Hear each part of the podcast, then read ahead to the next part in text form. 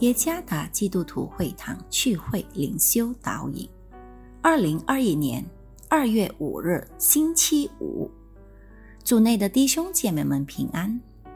今天的灵修导引，我们将会借着圣经《约翰福音》十八章三十九节来思想今天的主题——良心。作者吴恩惠传道。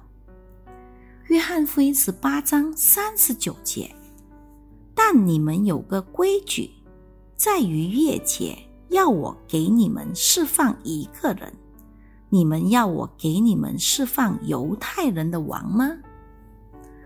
我们是否曾经在某种特殊的情况下要求讲真话，但是那个做错事的人，偏偏又是我们最亲近的人呢？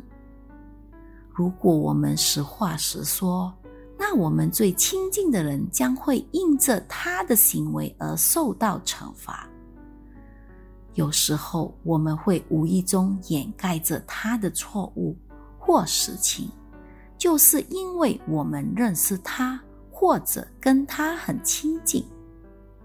但是我们内心深处的良心是不会让我们撒谎。虽然我们在众人面前撒谎时能被掩盖一时，但是我们的良心会让我们忧伤困惑一世，甚至坐立不安，为的是要寻找双赢解决方案。比拉多在衙门所遭受的情况也非常相似。我们可以看出，比拉多屡次的疑惑、犹疑不决。约翰福音十九章第十到十二节，以及约翰福音十八章三十九节记载说，比拉多其实在耶稣面前挺战战兢兢的。他想要释放耶稣，不仅是他知道耶稣是无罪的。而且他更惧怕耶稣所说过的那些话，就是耶稣不属于这个世界，他是上帝的儿子。另一方面，众人的催逼也威胁到他的地位，因为惧怕又明知耶稣是无罪的，所以比拉多试图想要释放耶稣。比拉多就想出一个两全其美的方案，既能让自己得到益处，也能让众人喜悦和接纳他。因此，比拉多在众人面前建议说：“因着以色列的缘故，要给他们释放耶稣。”罗马政府是有这么一个常例，就是每逢犹太人的节期。巡抚会随众人所要的，给他们释放一个囚犯。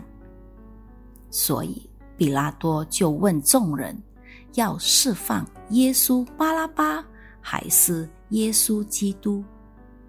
可悲的是，众人却异口同声的喊着说：要释放耶稣巴拉巴，就是那个在城里乱杀无辜。与耶稣同名的杀人犯巴拉巴，这个名字的意思是父亲的儿子。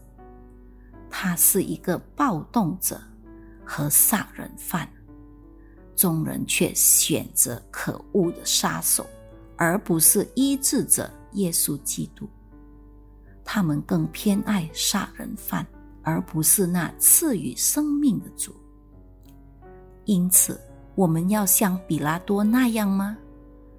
为了一个谎言与谎言妥协，又仅仅因为害怕失去众人的尊敬，害怕失去地位或官职，而熄灭良性的声音？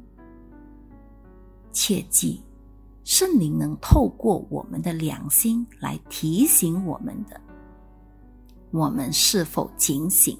以及遵行良心的提醒呢？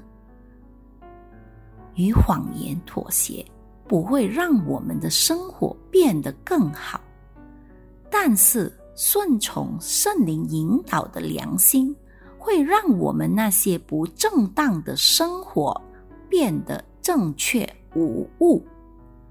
愿上帝赐福于大家。